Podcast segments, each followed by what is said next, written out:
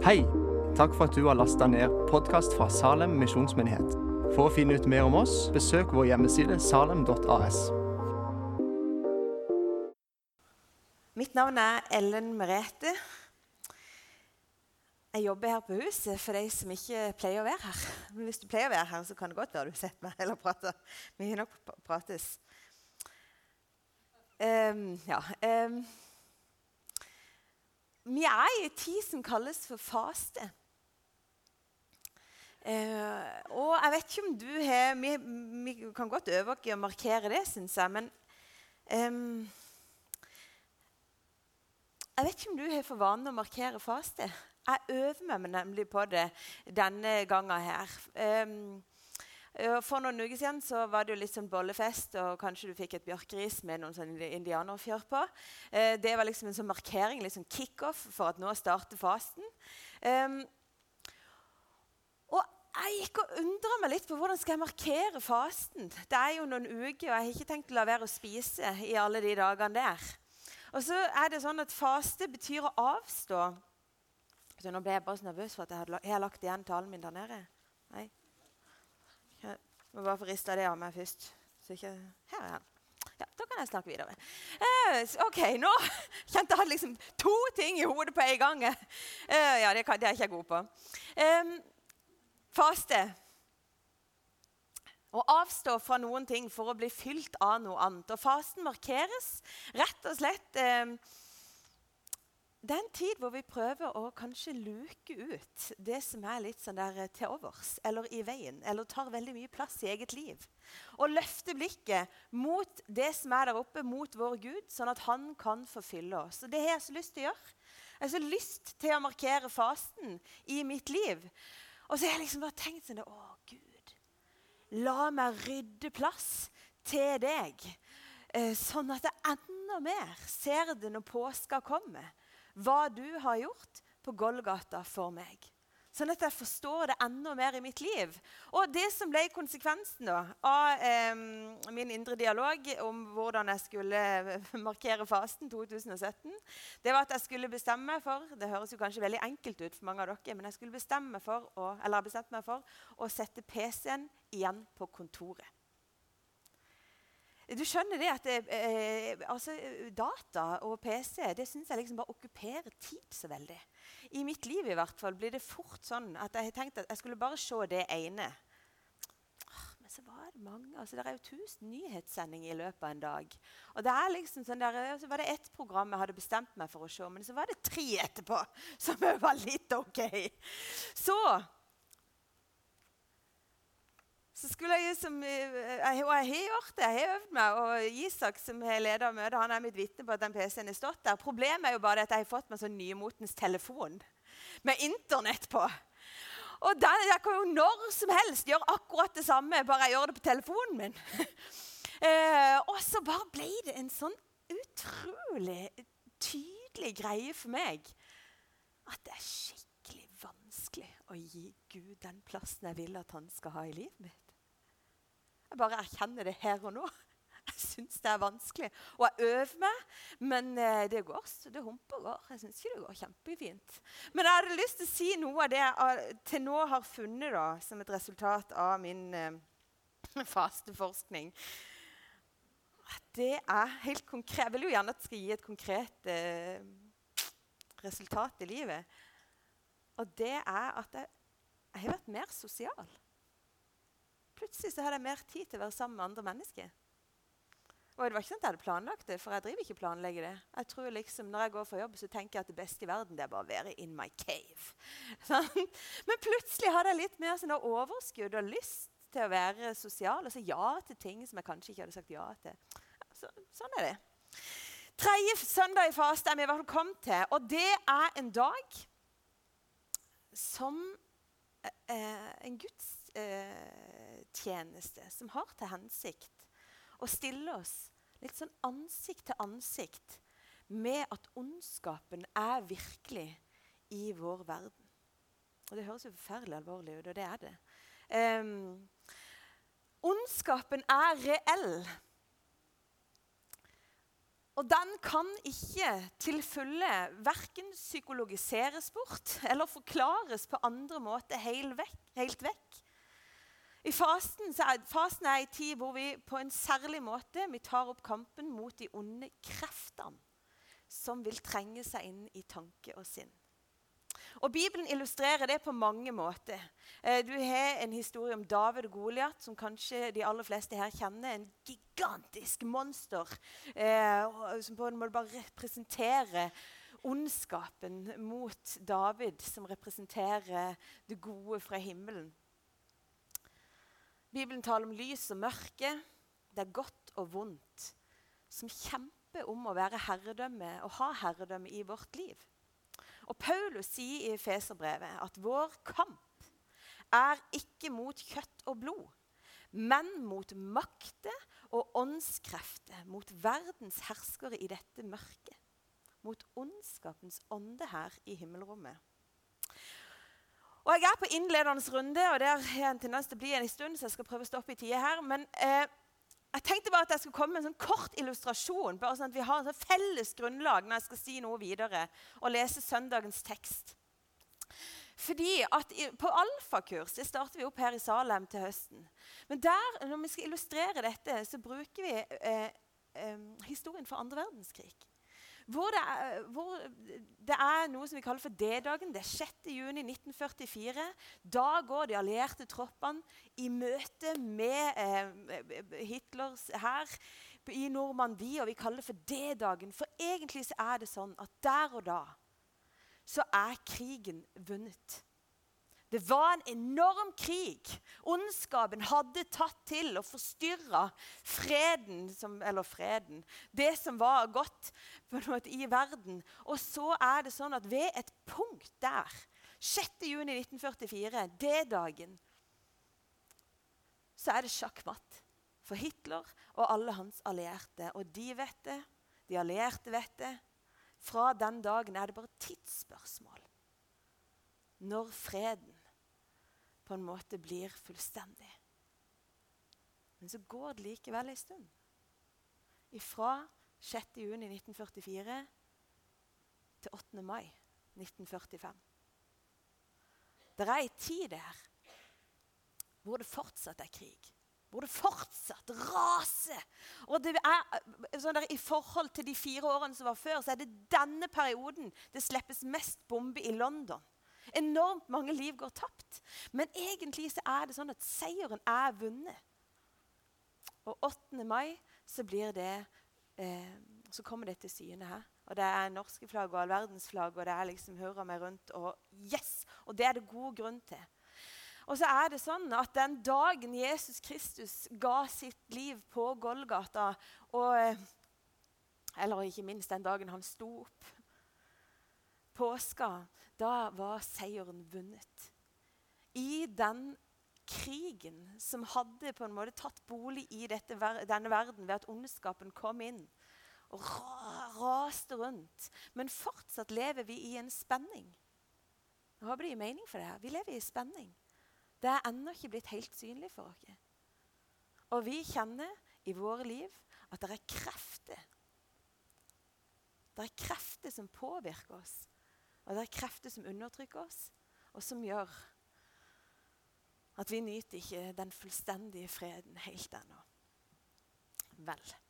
Det er kanskje umoderne å snakke om onde ånder på dette viset, eller kanskje er det veldig moderne. Åndenes makt er et av de mest kjente eh, å sette TV-program i Norge. Jeg vet ikke hvordan du har det når vi bruker disse ordene, men jeg håper du skal komme greit gjennom denne talen. Vi skal i hvert fall lese søndagens tekst. Jeg har fått, eh, jeg har fått god veiledning av Halvard Haglia i forberedelsen av denne eh, talen. Um, det er sånn at eh, Hvis du går på nettet og søker søndagens tekst, så er det Lukas 11, 14-18. Men etter god rådgivning og egen bestemmelse så har jeg bestemt meg for å ta med to vers til. Til vers 20. Til og med vers 20. Og vi leser. Um, Jesu makt over onde ånder. En gang drev han ut en ond ånd som var stum. Da den onde ånden for ut, begynte den stumme å tale, og folk undra seg. Men noen av dem sa, 'Det er ved hjelp av Belsebul, herskeren over de onde åndene, at han driver ut, de onde åndene ut.' Andre ville sette ham på prøve og krevde et tegn fra himmelen av ham. Men Jesus visste hva de tenkte, og sa til dem.: Hvert rike som kommer i strid med seg selv, blir lagt øde, og hus faller på hus. Om nå Satan er kommet i strid med seg selv, hvordan kan da riket hans bli stående? Dere sier jo at det er ved Belsebul jeg, driver de onde åndene ut. Men hvis det er ved Belsebul jeg driver de onde åndene, jeg driver ut de onde åndene, hvem er det da deres egne folk driver dem ut ved? Derfor skal deres egne dømme dere. Men er det ved Guds finger jeg driver de onde åndene ut? Da har jo Guds rike nådd fram til dere. Jeg begynner på toppen, hvor det står at en gang drev han ut en ond ånd. Hva er en ond ånd? Blir du nervøs med mine øyne nå? Hvordan jeg skal løse dette? Jeg har, eh, i hvert fall funnet en eh, det er en kar som har prøvd å, å, lage en definisjon på dette. her. Og så skriver han at det er en usynlig kraft som manifesterer seg i synlige resultater. En kraft som manifesterer seg i synlige resultater. Han prøvde egentlig å beskrive en ånd. En ånd er en usynlig kraft som manifesterer seg i synlige resultater. Og det tenker jeg, Hvis vi følger dette bildet med krig, da, så tenker jeg ja, det har jo synlige resultater. Hvis det er sånn at det er onde krefter som herjer, det er klart det er synlige resultater. Folk lider.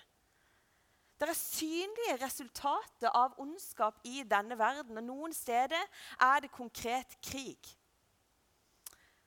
Veldig mange flere steder i tillegg er det menneskehandel. Det er vold og overgrep som begås mot uskyldige mennesker. Det er klart at ondskapens krefter gir synlige resultater.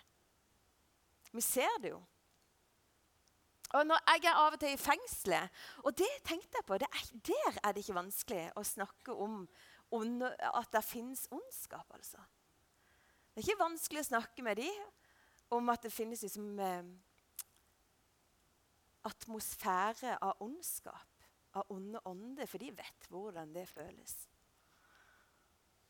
De vet på en måte, de har erfaring av den der eimen av ondskap når den på en måte bare har landa et sted. Et hus det ikke er godt å komme inn i.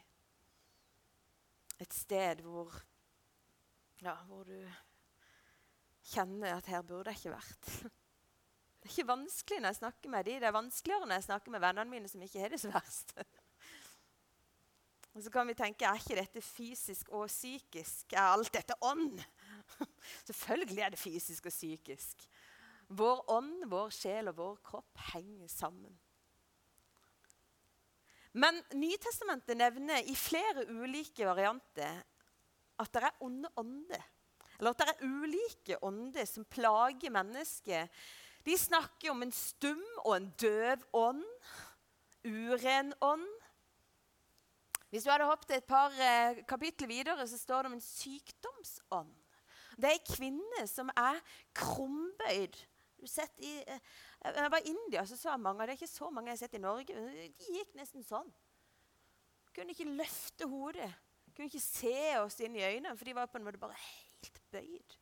Så står det faktisk at Jesus bare sier du er løst fra din sykdom. Men sykdomsånd blir det beskrevet som. Paulus han skriver i første brev til Timoteus om motløshetsånd. Det er jo en ånd som gir seg utslag helt konkret, at vi blir motløse. Det er jo ikke greit. Helt pyton. Og jeg vedder på at de fleste her inne har erfaring med det. Motløshetens ånd. Romerne 8 skriver om trelldommens ånd. Trelldom er jo en slags slaveri. Og vi kan jo være slaver så mangt. Både TV og Internett og andre saker. Ulydighetens ånd skriver Paulus om i Efeserne. Krefter som manifesterer seg og som gir synlige resultater. Så kan det være at du tenker ja, men eh, Vi må ikke åndeliggjøre alt, og det må vi slett ikke. Jeg tilhører Jesus Kristus. Inni her bor meg og Jesus. og vi to strever på, holdt på å si, om hvem som er kongen på haugen. Og i meg sjøl er jeg fullstendig kapabel med å på en måte framkalle noe som ikke er så greit. Så jeg mener ikke å åndeliggjøre alt før jeg går videre. Men jeg har lyst til bare å si det at vi skal ikke leie etter onde ånder og djevel bak hver stein. Men vi må ikke jeg har faktisk skrevet sånn, vi må ikke være såpass idioter at vi ikke skjønner at det fins. Og det mener jeg. Det er en åndelig virkelighet som påvirker oss her vi er. Det er en mann som har fått en fysisk resultat av en ond åndsmakt i sitt liv. En åndsmakt som har herja og plagt hans sitt liv. Og hva har skjedd med han? Han er blitt stum. Det er jo veldig konkret. Eh, det er ingen som vil anklage meg for å være stum, tror jeg. Men jeg tenker sånn, er det sånn at, det er, at ondskap, når disse åndskreftene herjer, da, at stumhet er nettopp det som blir sant. Det stummende mørket som tar overhånd, og som gjør at vi ikke lenger klarer å uttrykke oss sånn som vi egentlig er.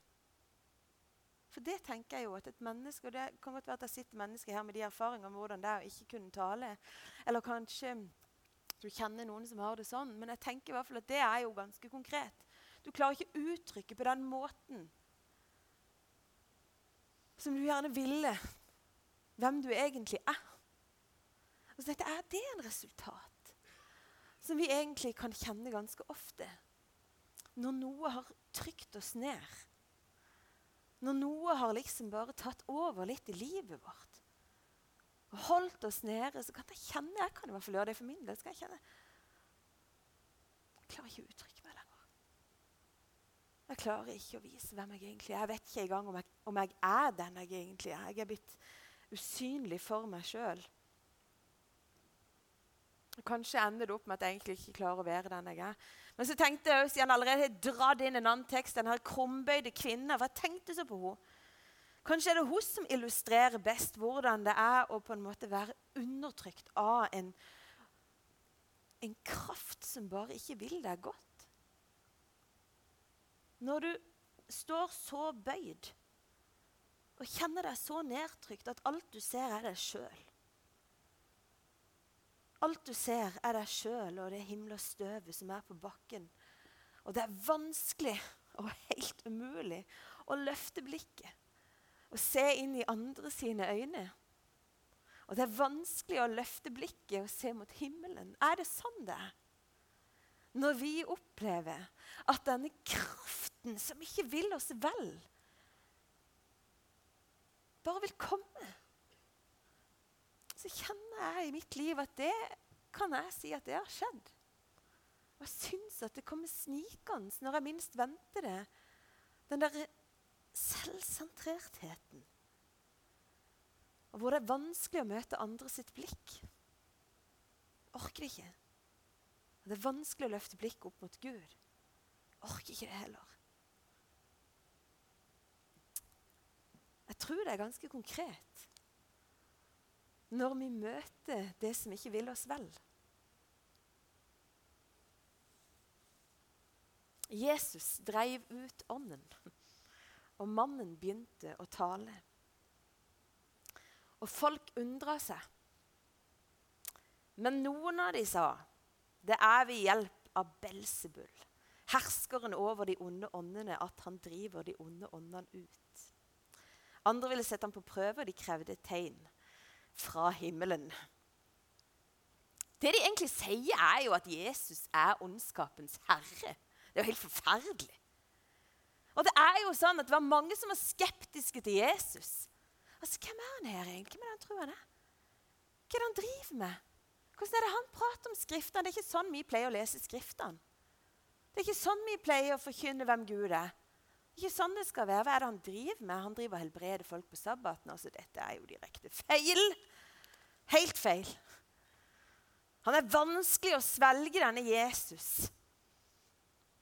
Og skepsisen de sin, den vil på en måte bare ikke gi dem fred. Og tenk at Denne skepsisen er ikke nødvendigvis ondsinna ment i de folkene her. Men han får en ganske fatal på en måte ende i det de anklager Guds sønn for å være ondskapens herre.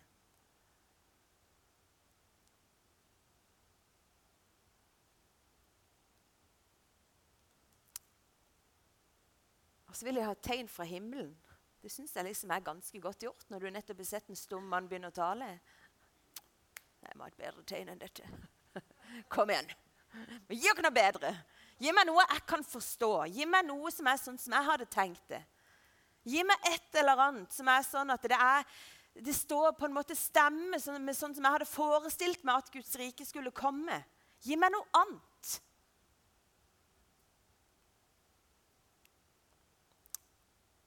Jeg har sagt før at jeg tror at skepsis kan være en gave. Men jeg tror ikke det er ufarlig.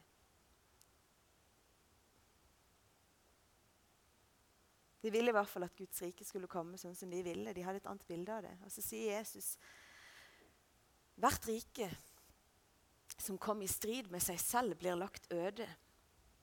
Og hus faller på hus. Og nå skal jeg bare si hva jeg leste inn i det verset der når jeg, eh, når jeg leste det for meg sjøl. Hvert rike kommer, som kommer i strid med seg selv, blir lagt øde, og hus faller på hus. Og så var det nesten så jeg hørte noe sånn ifra Skriften. Du kan ikke tjene to herrer.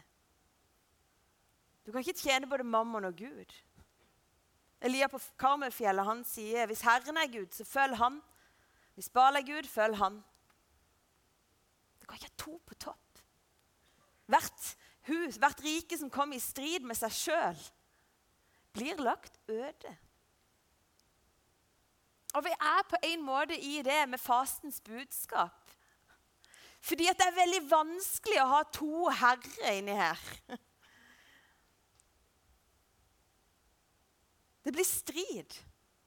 Og et rike som er i strid. og Det er folk her, det er mange her som kan på en måte verdenshistorie mye bedre enn meg. Men hvis du studerer på en måte og ser på land som har vært i strid med seg sjøl, så er det jo veldig mye fruktbar jord som det ikke blir noe av. For riket har vært i strid.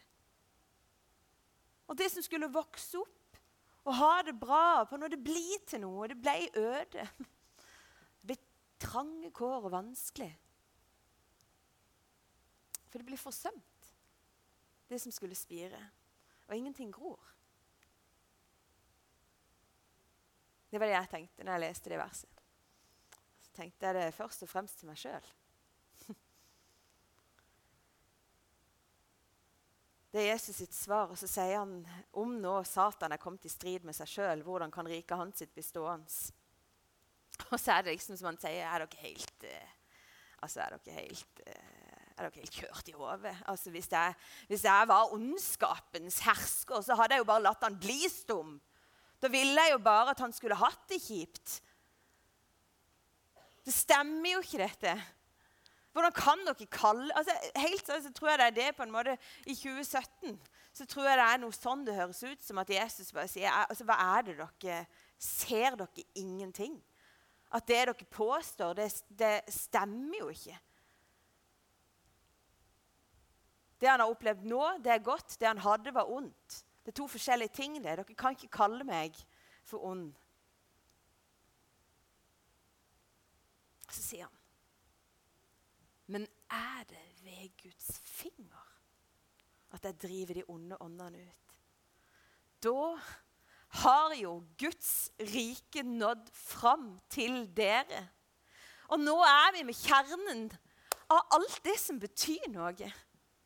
Fordi at hvis Jesus er Gud, hvis han er Guds sønn Hvis det er sant, det som står om han, da er Guds rike nådd fram.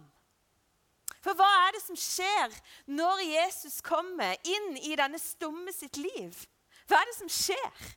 Det er jo at han begynner å tale. Han som før kjente at det er vanskelig å uttrykke meg nå. Jeg får det ikke til. Jeg er holdt tilbake ifra å være den jeg egentlig er. Plutselig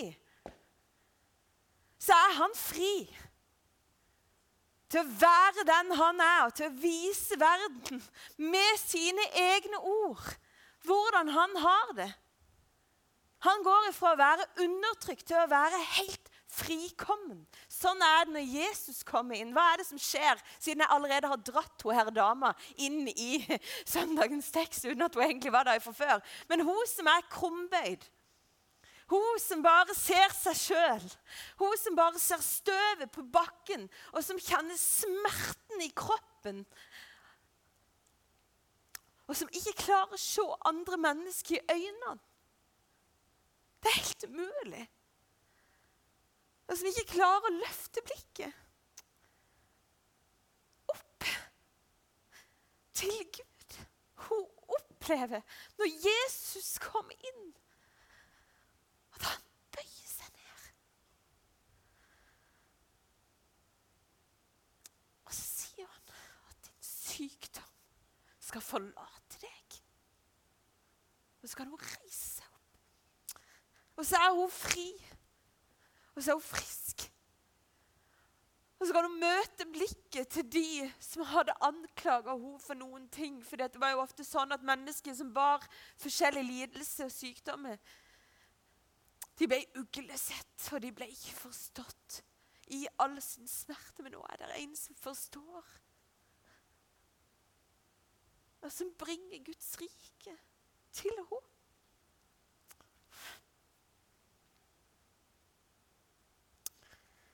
Hvis Jesus er den han sier at han er, er det ved Guds finger at han gjør dette. Da er Guds rike kommet til oss. Hvorfor det? Jo, fordi at han er Herren. Det er fordi at han er himmelens og jordens skaper. Det er fordi han er alfa og omega. Han er den levende jeg er, og han lar seg ikke pille på nesa av noen åndskrefter som kommer og skrømmer livet av oss. Han vet hvem han er. Og det står, Jeg er nødt til å ta det med, for det står i Kolosserne så står det at han kledde maktene og åndskreftene nakne. Og han stilte de fram til spott og spe da han viste seg som seierherre over dem på korset. Han var herre før det. Han har alltid vært herre, men han viste seg som seierherre på korset. Og de vet hvem han er. Og de vet hva navnet Jesus betyr. Og de vet hva det betyr at Jesus Kristus er i ditt liv. Og hver gang du påkaller Herrens navn, så skjelver de. Og jeg sier igjen at Vi skal ikke lete etter de bak hver stein, men vi trenger jo ikke late som de ikke fins. At de har ingen makt over Han som har tatt bolig inn i oss. Og når jeg vet dette, så vil jeg så veldig gjerne sant? I det ene øyeblikket så kjenner jeg nå jeg skal aldri mer se på eh, TV igjen. Jeg skal aldri bruke internett. Sant? Jeg skal bare ha han. Og det er jo bare Det kommer jo til å vare til jeg kommer hjem, holdt jeg på å si. Men jeg vil øve meg på og gi han god plass i mitt liv fordi at han er seierherre. Og fordi at han er den som kan sette meg fri når jeg kjenner meg undertrykt. Og det er bare for mitt eget liv. Men jeg vet at jeg møter mennesker som har det sånn fortsatt. Og som lever sånn nå at de klarer ikke å tale. Og la de kjenne at det er kommet en sykdomskraft inn i livet. Og det gjør det jo, og det rammer oss. Det er ingenting som kan ta bolig i oss, men det kan ramme oss, for vi er i det der spenningsfeltet. Og vi møter mennesker som ikke kan løfte blikket. Og da skal jeg være full. Jeg skal være fylt til randen av Han som er svaret. Sånn at jeg kan legge mine hender på dem, sånn at jeg kan folde mine hender for dem og utgjøre en forskjell.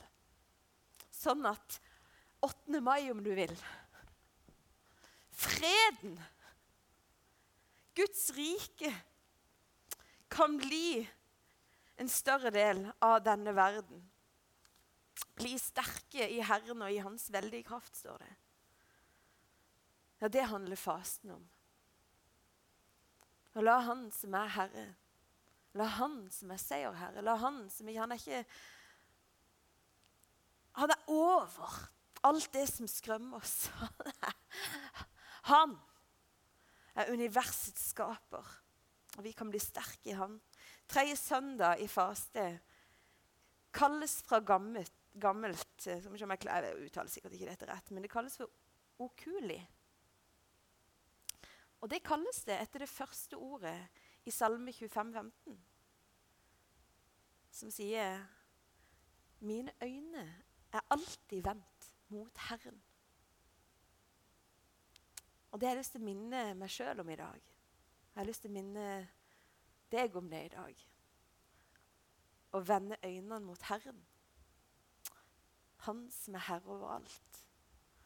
Over motløshetsånd, og over sykdomsånd. Og hva enn det er som prøver å holde oss tilbake fra å være de vi er skapt til å være, så kan vi få lov til å bli sterke i Herren og bli enda mer de vi egentlig er. Så Skal vi be.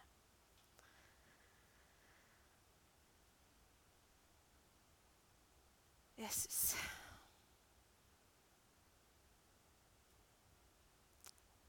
Du er Herre. Du er Gud. Og du er Du er den som bryr deg mest om oss. Mer enn noen andre bryr seg om oss, så elsker du oss høyere enn ditt eget liv. Og Jeg ber om din hjelp inn i det som, som vi snakker om, Herre, for vi vet at i denne verden så er det krefter som vil vende oss vekk fra deg. Og som vil hindre oss i å være de vi egentlig er. Men vi har lyst til å bli i deg. Vi har lyst til å fylle oss med deg, Jesus. Og bli sterke i deg og i din kraft. Takke deg, Herre, for Golgata. Jeg takker deg for korset, hvor all vår synd og skyld ble sona, Herre. Takk at du har inkludert dere i deg sjøl. Og vi får lov til å løfte blikket. Og når det er for vanskelig for oss, så takker jeg deg for at du møter blikket vårt der det er. Jeg priser ditt navn, Jesus. Jeg har lyst til å be for den som kjenner seg undertrykt. Den som kjenner at motløsheten bare vil komme.